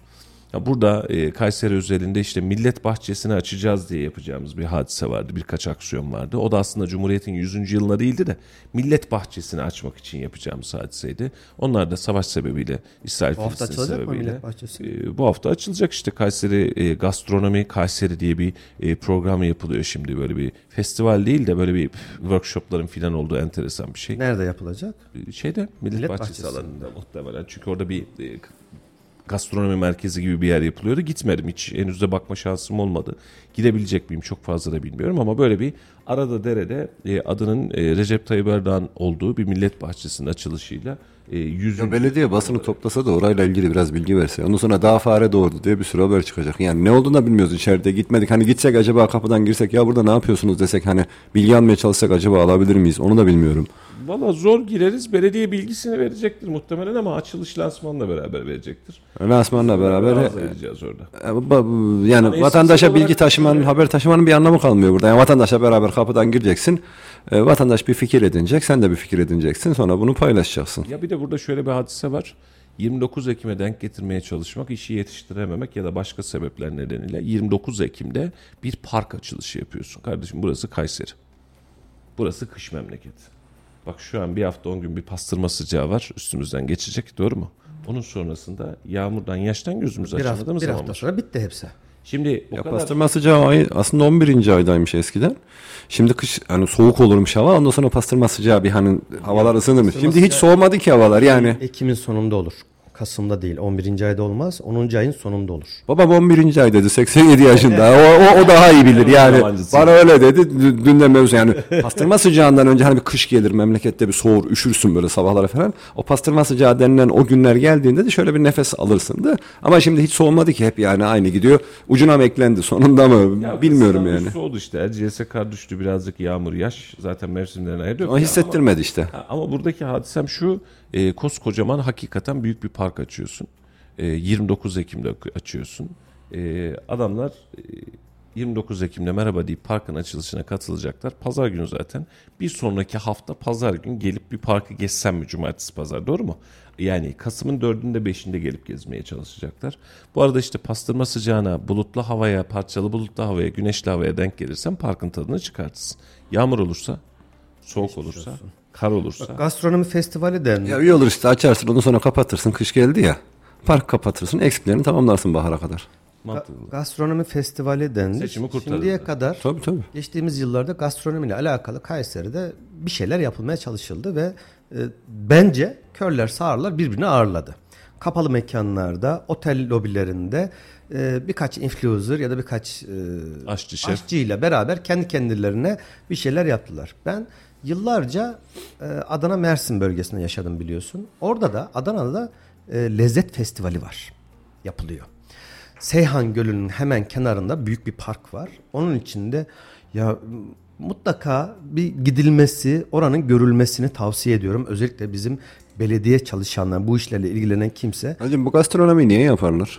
yemekle alakalı ve turizm Turist gelsin de buradan Turist yemek gelsin. Tamam. Şimdi çok basit basit bir yolla yani, gideceğim. iç- Adana Adana iş uzayacak çünkü orada var bunlar biliyorum da bizim Kayserimizde öne. Kısaca anlatacağım. Şimdi Kayseri Kayseri'de ne veriyoruz? İşte bizim gastronomi Kayseri'de şu şu yemeklerimiz var diyoruz değil mi? Bunu o bahsettiğin o birkaç influencer'la bilmem bir şey YouTuber'la falan da hani dünyaya duyuruyoruz.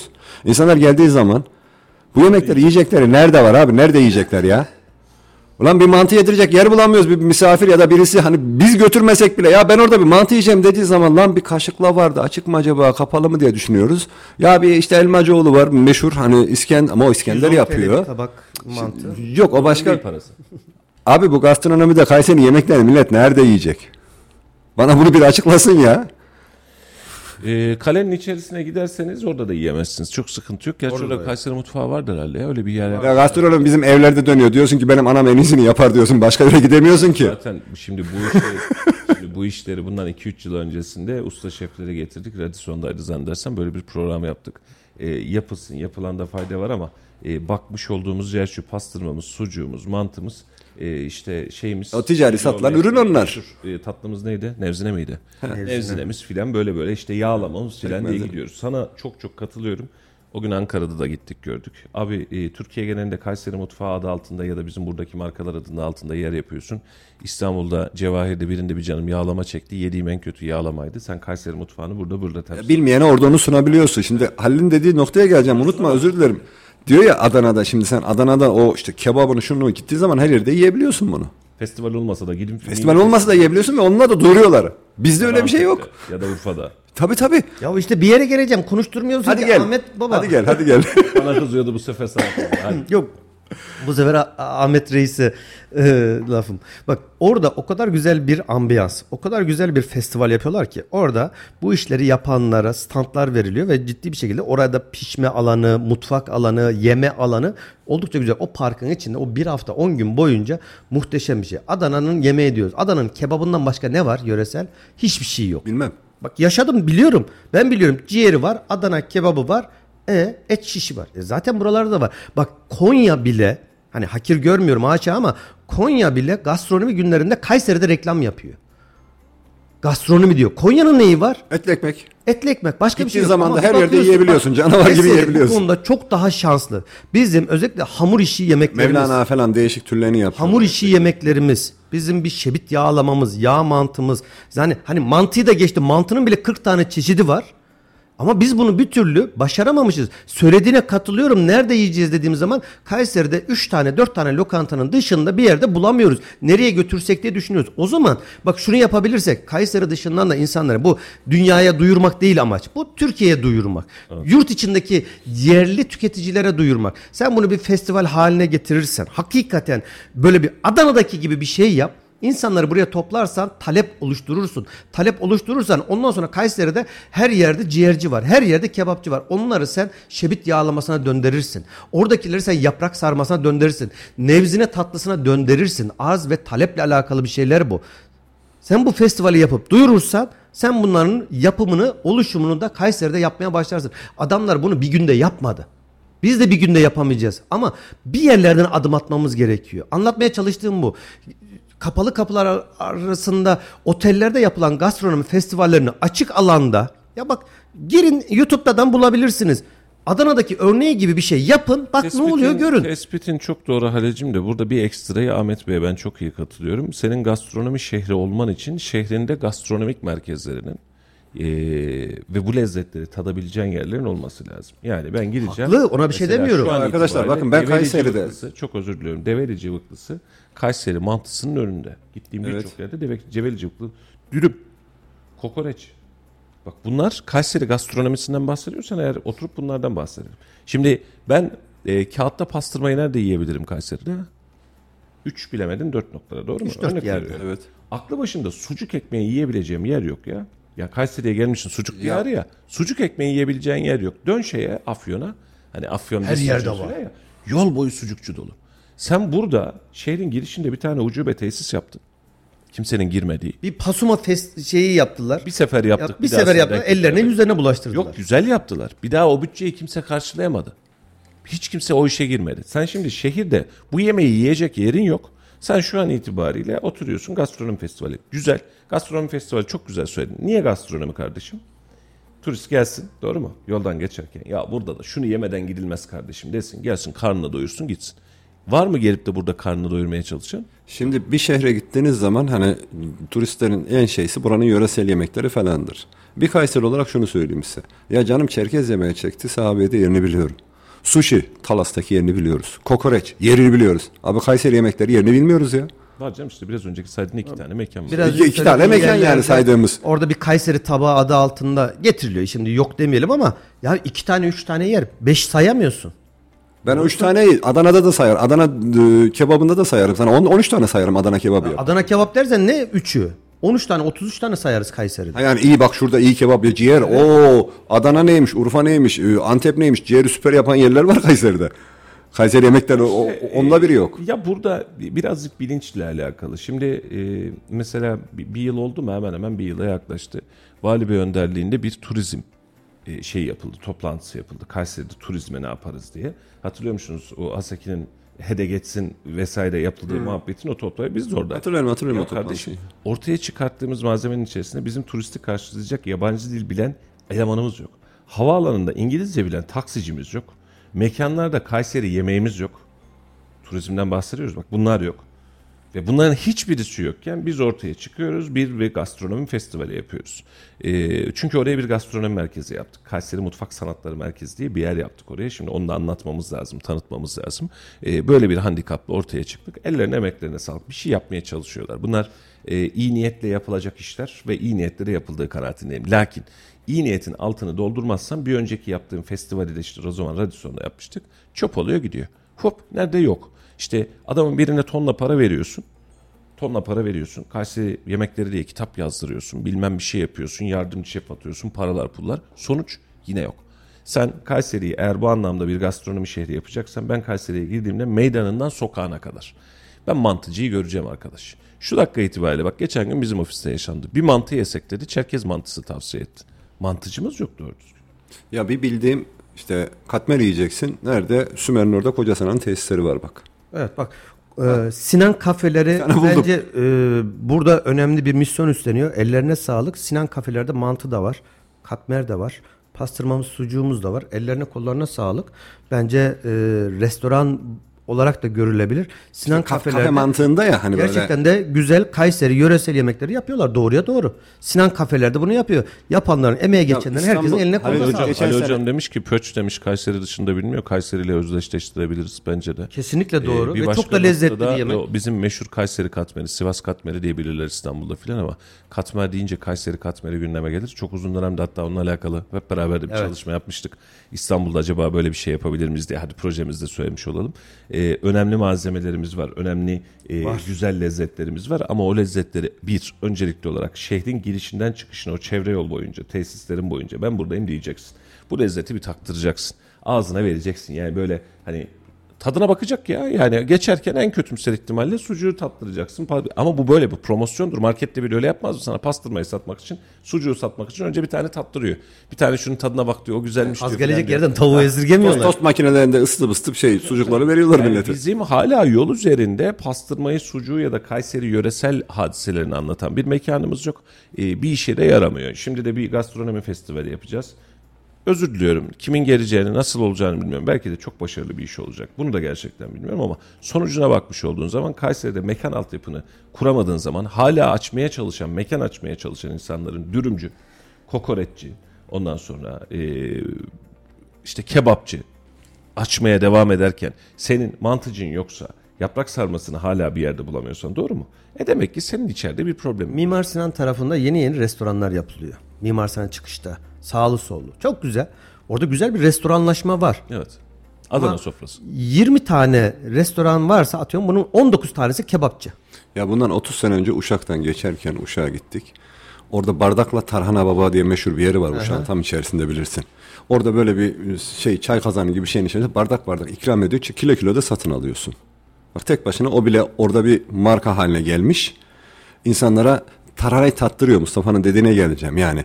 Tadım yaptırıyor ve sen oradan aa bunun tadı güzelmiş diyorsun. Sana bir bardak ikram ediyor böyle çay bardağı gibi şey gibi kağıt bardağın içerisinde kilo kilo satın alıyorsun. Ben de evimde bu lezzeti pişireyim diyorsun. İşte Kayseri'de bu örneği yaşayamıyoruz. Geçen sene bir, bir buçuk sene oldu bir misafir geldi. Ya ne yiyeceğiz işte Kayseri yemekleri falan. Ben de dahil oldum. Yani kayınbiraderin patronu e, birkaç saat bir onlara Erciyes'e çıkartayım siz dedim. Aklıma gelen şey sizden de konum aldım biliyorsunuz. Develi'deki Develi cıvıklısı yemeğe götürdüm. Anadolu sofrası. Adama Kayseri'de ben mantı bir şey yediremedim. Götürdüm Develi'de cıvıklı yedirdim ona. Yerinde ha güzel bir mekan bak orada Develi Belediyesi'nin yapmış olduğu o tesis var da süper. Not. Yani Bizim develi edersin? bence yani belki objektif miyim bilmiyorum ama Konya'nın etli ekmeğinden daha lezzetli. Bu şahsi Şöyle, fikrim. onu şöyle yapalım. Yani sabah da bir güzel katmer alsan gelirken katmer eşliğinde bunu konuşalım. Çünkü 9'u geçirdik yavaştan. Müsaade de isteyelim. Efendim e, sabah nasıl- sabah açız herhalde bu konu gelince bir anda hepimiz Evet, yükseldik. yapmayınca böyle oluyor. Birden yükseldik dediğin gibi buradan. Efendim e, Laf Sokak'tayla sizi baş başa bırakacağız. Sokağa İsrail-Filistin savaşı ne zaman biter diye sormuşuz. Sokağın görüşünü almışız. Biz de sizden müsaade istiyoruz. Yarın yine aynı saatlerde burada olacağız ama Kayseri üzerindeki konuları yarın birazcık daha gündemimize alalım. E, bugün e, istemeye istemeye de olsa e, dünya bunu konuşurken gözümüzü kapatma ya da aman canım hiçbir şey yokmuş gibi davranma şansımız yok. İsrail, e, Gazze, Filistin savaşı bizim için ana mihenkti. Yarın yeni bir yayında yeniden bir araya geleceğiz efendim. Yarın yeniden görüşünceye dek hoşçakalın. Hoşçakalın. Hoşçakalın. Vallahi bizim devletimizin biraz daha daha daha biraz daha yaklaşması lazım bu olaya. Eğer isteniyorsa bizler de hazırız Allah'ın izniyle. Müslüman ülkelerin niye sesi çıkmıyor? Bu barış zirvesi sadece süs olarak değerlendiriyorum ben. Bugün Dışişleri Bakanı Hakan Fidan barış zirvesine katıldı. Sizce İsrail-Filistin savaşı ne zaman biter? Vallahi herhalde büyük bir ihtimal en kısa zamanda olacak ama ben çok üzülüyorum. Vallahi bizim devletimizin biraz daha biraz daha biraz daha daha daha biraz daha yaklaşması lazım bu olaya. Eğer isteniyorsa bizler de hazırız Allah'ın izniyle. Yani isterlerse biz de her zaman için varız yani. Bir Kayseri olarak, yani yerli olarak her zaman varız yani. Kim ne diyorsa desin yani. Çok üzülüyoruz. Çok kötü bir şey. Yani ben yemin ediyorum vallahi gidiyorum geliyorum alıyorum veriyorum ama yani evimde dahi düzenim yok yani bu konuda. Çok üzülüyorum. Allah yardımcılar olsun. Bir şey demiyorum yani bundan sonra. Bitmez orayı alana kadar bitmez. İsrail alacak. Orayı komple alacak. Filistin'in yeşilini bitirmiş zaten. Hiçbir şey kalmamış. Daha da daraltacağız diyor. Şey de alacağız diyor. Hamas'ı da Hamas'ı da alacağız diyor. Yani Hamas'ı aldıktan sonra bilmem destek şey yapacak diyorlar. Bilmem tampon bölge yapacak diyorlar. Şunu yapacak, bunu yapacak diyorlar ama alacaklar. Komple alacaklar. Bitti yani. Mescid-i Aksa diye bir şey kalmadı. Bitti. Bitirdiler. Alıyorlar yani. biteceğini zannetmiyorum. Bayağı bir uz- uzayabilir. Uzar da ya. Çünkü sokak savaşı olursa daha daha da uzar. Zaten İsrail'in de anlaşmaya yanaşması çok zor. Amerika arkasında, Batı arkasında kala kala İslam ülkeleri kalıyor. Kalacak şey anlatacaklarını zannetmiyorum. Valla bu savaşın biraz daha şöyle güçlü ülkelerin taraf tutması lazım Filistin tarafında. Avrupa ve Amerika tek başına desteklediğinden sonra Filistin'in de amacı zaten toprağa onları göç ettirip toprağa yerleşmek tek amacı. Oradaki halk için ne yapabiliriz? Ancak ancak ya- yardım edebiliriz başka. Türkiye alacak durumumuz yok. Zaten Türkiye'de 10 milyon, 12 milyon yabancı var. Nereye alacaksın? Türkiye'nin eko- ekonomisi de belli. Kaldıramaz ya. Biz sadece vatandaş olarak, devlet olarak yardım edeceğiz. Onların orada kalmasına. Protestolar edilebilir. Başka ülkelerde protesto edilir. Kaç, Türkiye'de protesto edilir ama adamlar takmıyor. Ne yaparsa yap takmıyor. Amerika arkasında olduğu zaman hiçbir zaman bitmez. Allah İsrail'in belasını versin. Allah Yahudilerin belasını versin. Allah Müslümanlara yardım etsin. Birbirimiz tutkun değiliz. Arabistan'ın neden sesi çıkmıyor? Müslüman ülkelerin niye sesi çıkmıyor? En yakın zamanda biter inşallah. İsrail'in yaptığı kabul edilemez. Hiçbir kitapta yazmaz. Ee, devlet büyükleri, e, bakanlar elinden geleni yapıyor başkanımız. Hakan Fidan'ı takdir ediyorum burada.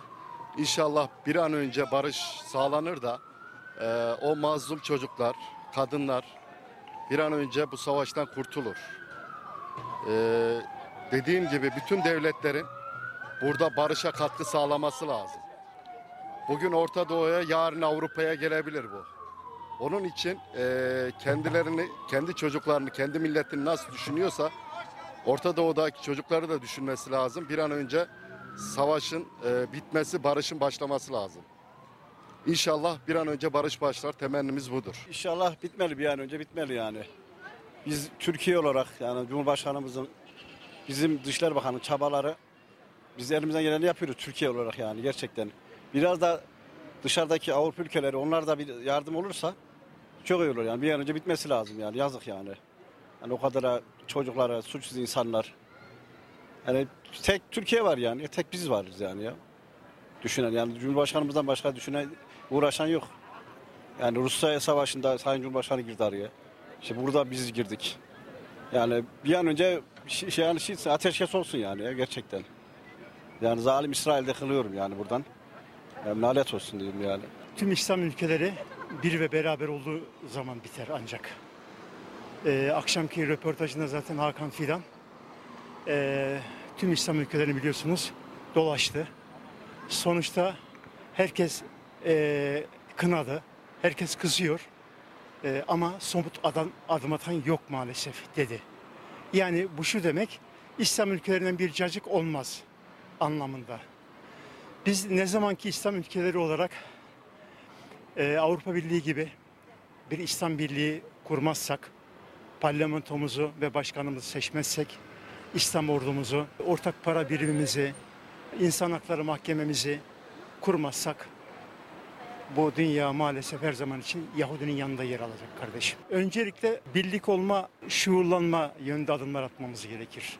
Çünkü maalesef şunu söyledi bir de akşam e, Hakan Fidan. Yani e, herkes e, bir şeyler yapmak istiyor ama ya ikbalinden veya menfaat kaygısından, makam kaygısından adım atamıyor dedi yani. Öncelikle İslam ülkelerini şuurlandırma yönünde adımlar atmamız gerekir. Maalesef İslam ülkeleri bölük pörçük durumda. Bu İsrail-Filistin e, savaşı bitmez. Çünkü neden? Sanırım burada iç politikal meselesi olduğu için bence Hizbullah bombalara atmayacaktı. Ve yerlerinde durması gerekirdi. Bu barış zirvesi sadece süs olarak değerlendiriyorum ben. Bu savaş nasıl biter? Ee, İslam ülkeleri birleşip o zaman da e, zirve yapsınlar, barış zirvesi yapsınlar. Çünkü şu anda çok kritik durumlar. Her gün Filistin'e bomba yatılıyor. Çok kötü. Yani benim fikrim e, bu barış için ilk önce ya- yabancı ülkeler, İsrail'i destekleyenler ilk önce adımı İsrail tarafında iyi bir yola sokma lazım. Bu Filistin halkını bu zulümden çıkarmaları lazım. Benim için bu barış zirvesi pek inandırıcı değil.